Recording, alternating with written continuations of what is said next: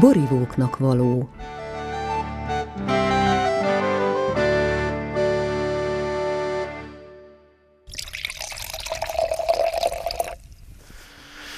Isten éltessen. Ez a hang minden borkedvelő számára kedvesen cseng.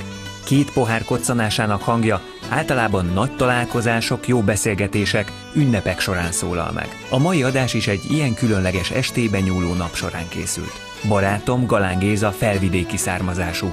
Édesapja nagy ölveden nőtt fel, ami Esztergomtól mindössze fél órányira van a mai Szlovákia területén. Nagy ölvet hegy szomszédja pedig Kürt, ahol egyik kedvenc borászunk Sütő Zsolt él. Kiválasztottunk egy alkalmas délutánt, lefoglaltuk Zsolt lakókocsiját szállásnak, és szomjas torokkal nekivágtunk Géza szülőföldjének. Zsolt rögtön fel is vitt minket szőlőjébe, töltött még erjedő friss borából, és egy nagy diófa asztalnál Géza kérdezgetni kezdte őt.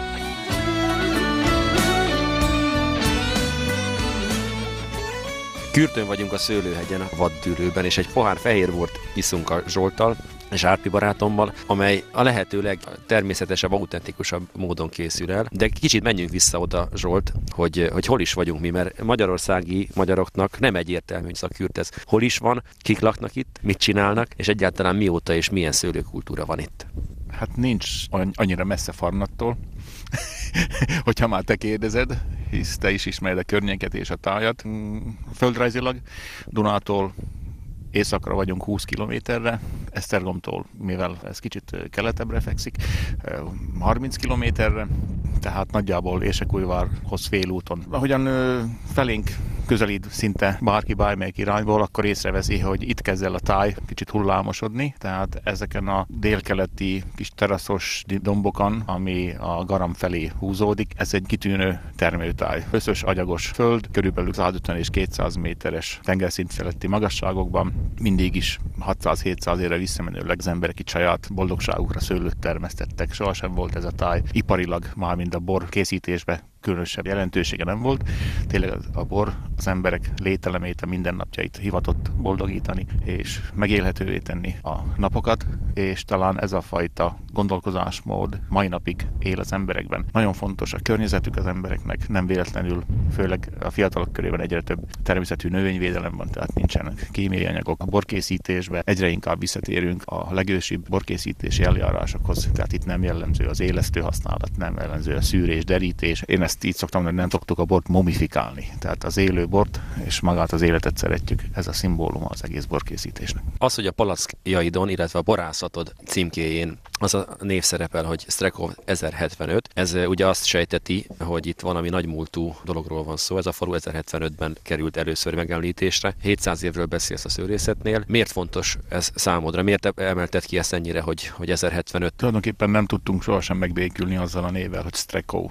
De hát ez egy ránk ragasztott név, semmi köze Kürthöz, semmi köze a gyökerinkhöz, és az 1075-öt fontos volt hozzátenni, mert semmiféle Strekóról nincs szó, hanem ez Kürt. Tehát ez a valamiféle kettősség, ami végigkíséri az életünket, ezt is valamiképpen ez szimbolizálja. A borkészítés hagyományait most azért 600-700 évről beszélek, mert ez, ez dokumentálható, erről rossz szóval papírunk van, de akkor viszont visszaszámoltam a történetet, legalább 60-70 hektárnyi szőlőterületnek kellett lenni az adó papírokból és a tizedekből, amit vissza lehetett számolni.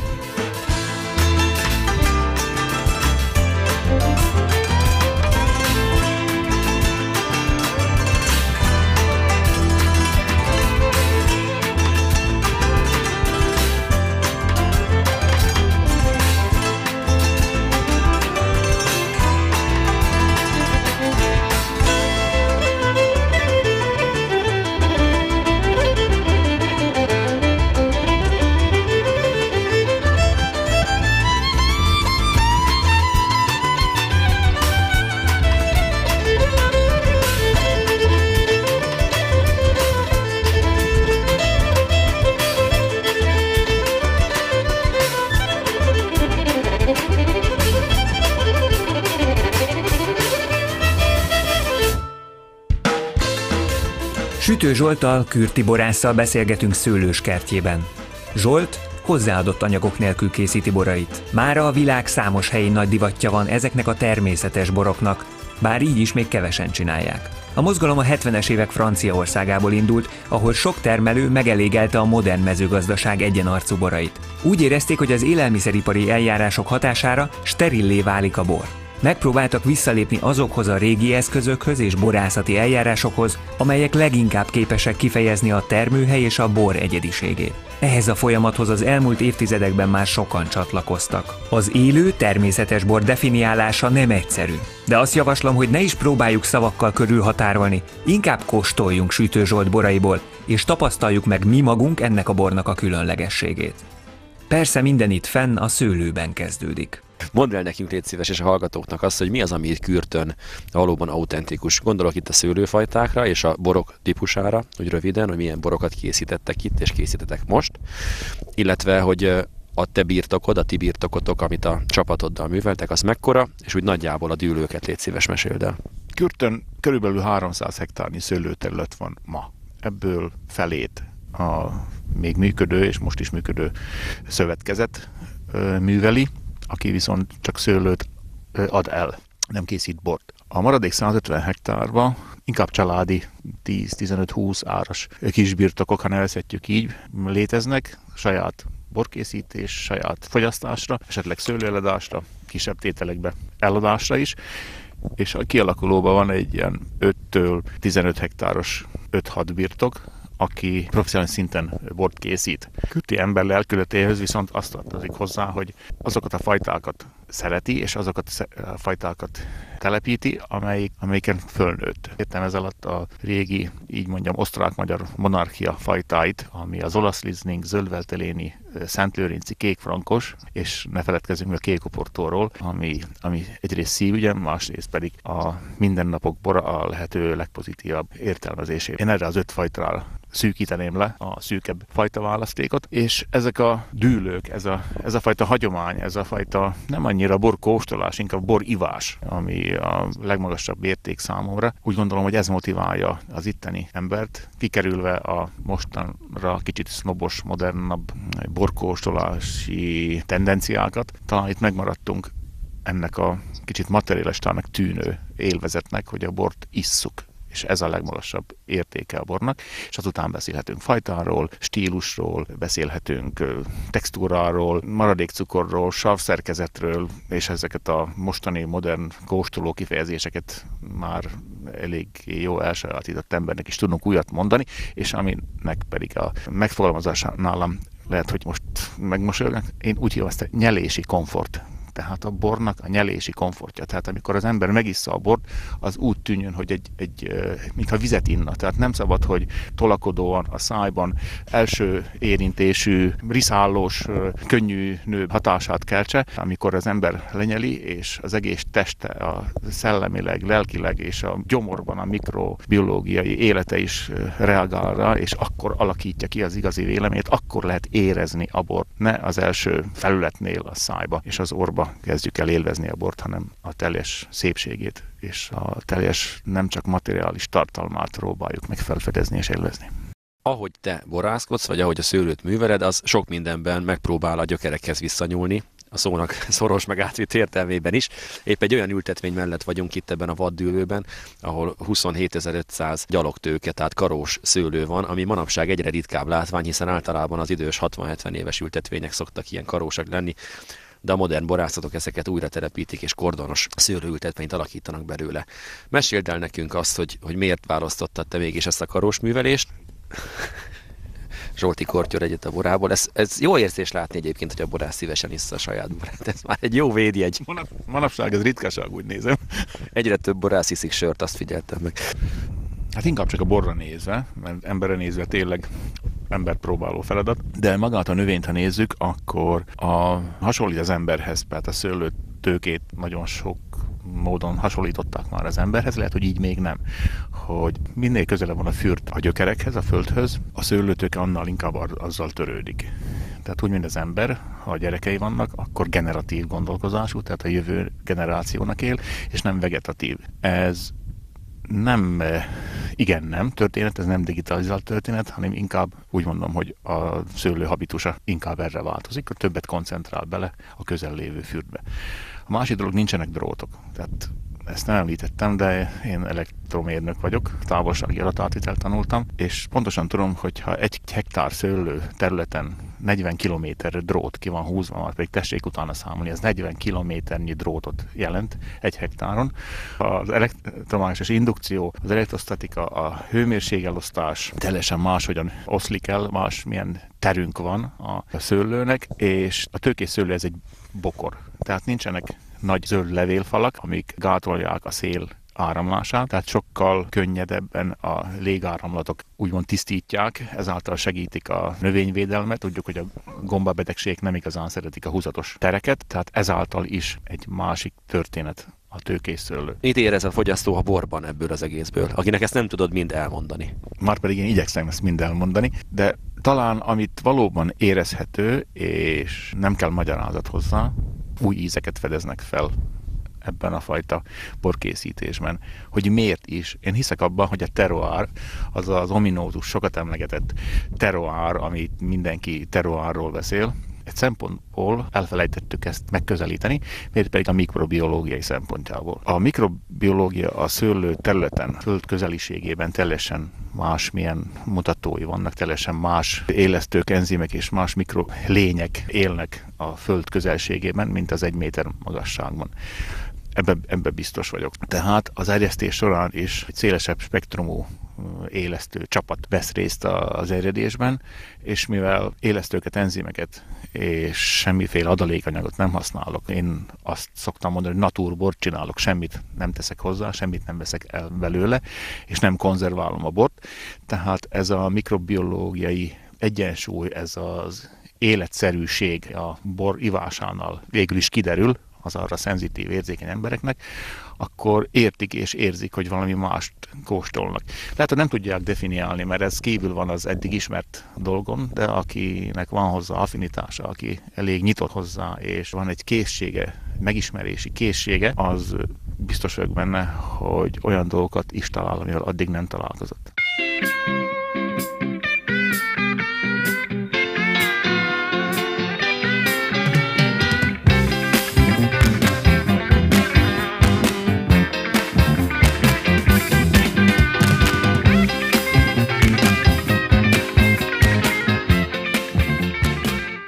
Szél fúj, a borunk elfogyott, a vacsora pedig lassan már elkészült Sütő Zsolt sütőjében. Ezért most a pincéhez autózunk, hogy tovább folytassuk a kostolást és a beszélgetést.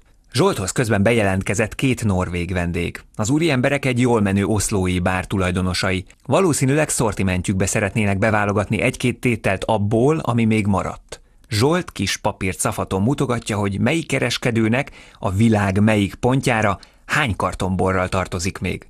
Az estét jó hangulatban most már közösen folytatjuk, együtt kóstoljuk végig Zsolt pincéjének titkait. És ha már egy asztalhoz sodort minket az élet, Géza őket is megkérdezi, mi a véleményük a pannonborokról. Mik az első benyomásaid a terroárról? A táj teljesen lapos. Nem érzi az ember, hogy egy borvidéken jár. Ez nagyon érdekes volt nekem. Ahogy autózunk át ezeken a kis falvakon, minden nagyon vidékies. Nagyon paraszti, talán kicsi unalmas is. Egyáltalán nem hasonlít egy borvidékre.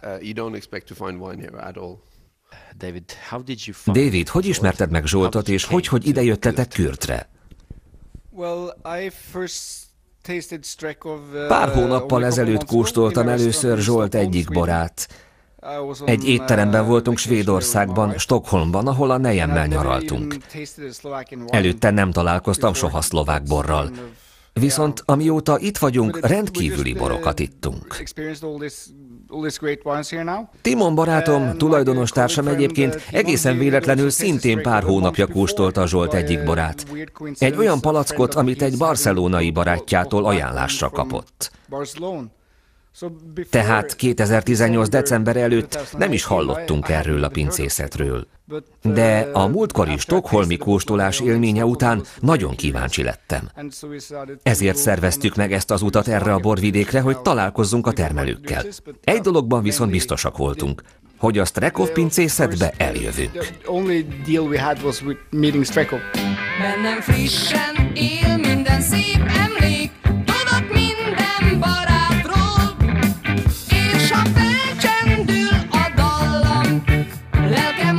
visszavándorol. Én még ember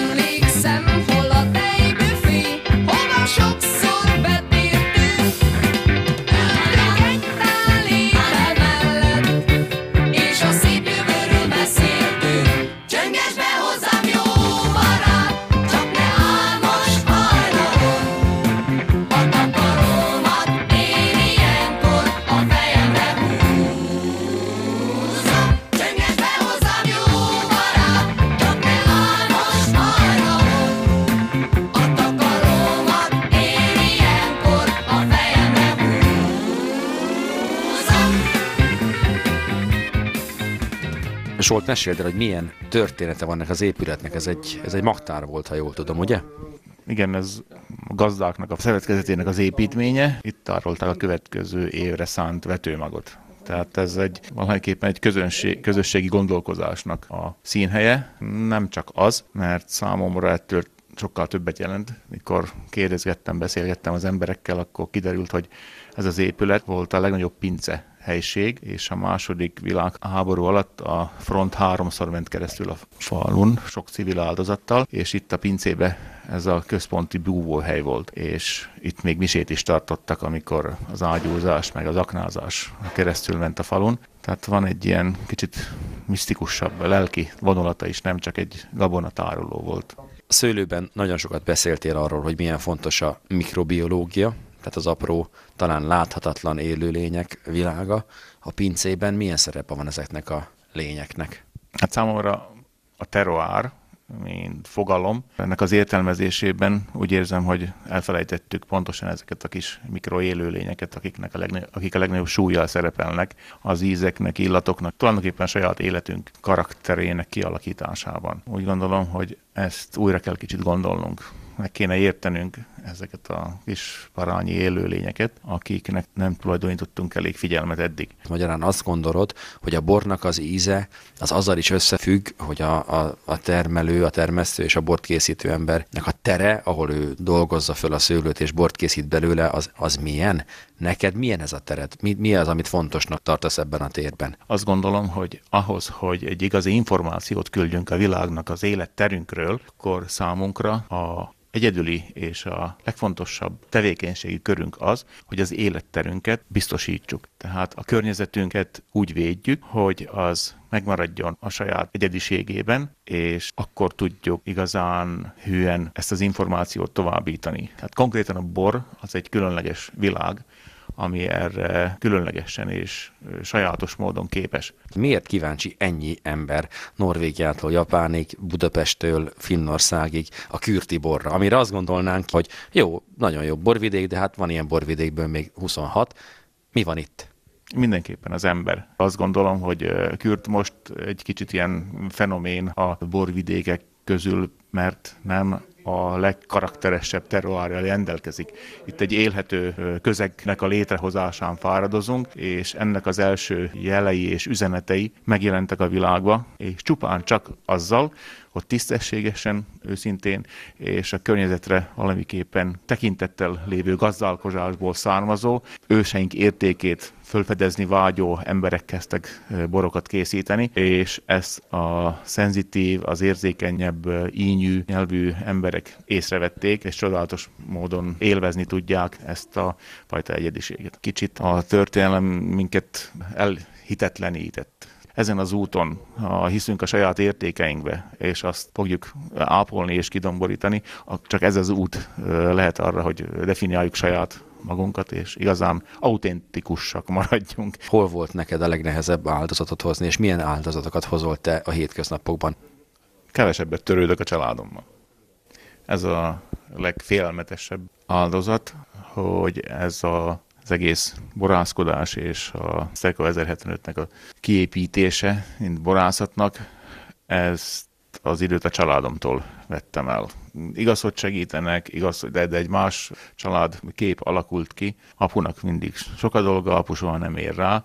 Én csak azt remélem, hogy ők is kapnak ebből az értékekből eh, annyit, ami, amire szükség lesz az életükbe. Mennyire szeretnének ők részt venni ebben az útban a továbbiakban? Hajlam van rá. Pillanatnyilag talán dominanciám nem engedi ezt a fajta fejlődést, de eljön ez az idő, mert érzem bennük a lehetőséget is, meg a bor szeretetét is. Nem tudom, ilyen három napra szoktam tervezni, és bízom abban, hogy nem vagyok egyedül a tervezésben, és minden úgy rendeződik el, ahogy ennek elrendeződni kell.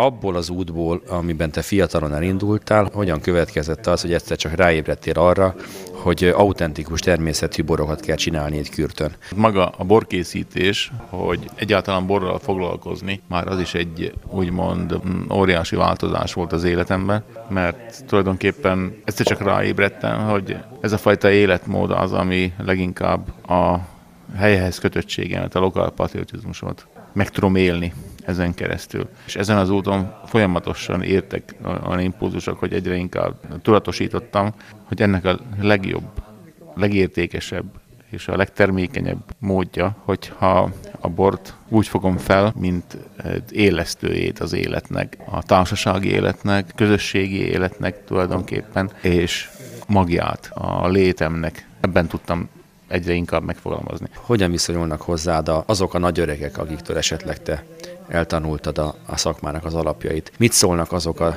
az idős Imre bácsik, Jóska bácsik, Pista bácsik, akiknek a, a portáit szeretnéd megidézni az autentikus boraiddal? A te viszonylag, hogy úgy mondjam, arhaikus de modern borászatoddal. Hát most, hogy így rákérdeztél, sajnos egyre kevesebben vannak, és ez rossz jel, mert ez azt jelenti, hogy én leszek lassan a nagy öreg. Ez így, ez így most kicsit elgondolkoztató, de én még hál' Istennek ittam a boraikból, ami cicoma és pelhang nélkül egyszerűség szépségével és ihatóságaival feltették fel a figyelmet. Kicsit elfeledett értékeket vissza tudja idézni a borom, akkor, akkor valami hasonló gondolatok járnak a fejébe, hogy azt a fajta tisztának tűnő értékrendet ami, ami kicsit másfilyen irányba, nem csak ezt a mostani nagy, erős, turbulens, túlságosan és erőszakos világból ebbe fajta idillikus nyugodtság felé tudja terelni a gondolatait, akkor, akkor az jó, ezt szeretném a borraimmal elérni, hogy nyugodjanak meg az emberek, minden rendben van, nyugi, ne féljetek, jó ez a bor, jó helyen vagyunk, valaképpen kicsit, kicsit lenyugtatni az embereket, és nem újra pörgetni, újra hetszelni, újra újabb és újabb, hektikusabb történetekbe belezavarni, hanem csak, csak, csak egy kis csak nyugalmat, álljunk meg egy pillanatra, ígyunk egy jó bort, és ne hajszoljuk az időt, a teret és egymást.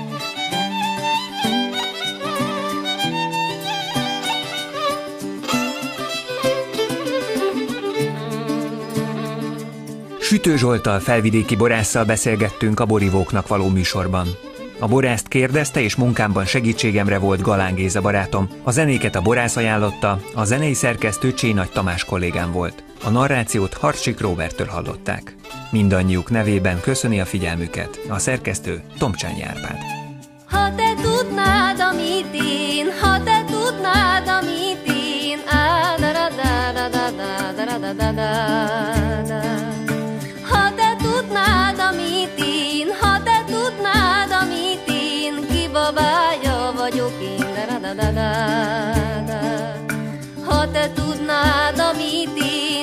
is nem csak én, á, da da da da da da da da da da mert te is írnál, nem csak én, keservesebben, mint én. Á, da da da da da da da da da da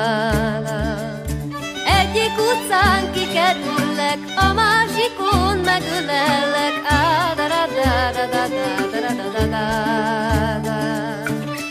Egyik utcán kikerüllek, a másikon megölellek. Mert kit a szerelem körül fog, nem kell annak semmit fog. Ah, da da szerelem körül fog, nem kell annak semmi dolog. Da da da da da da da da da da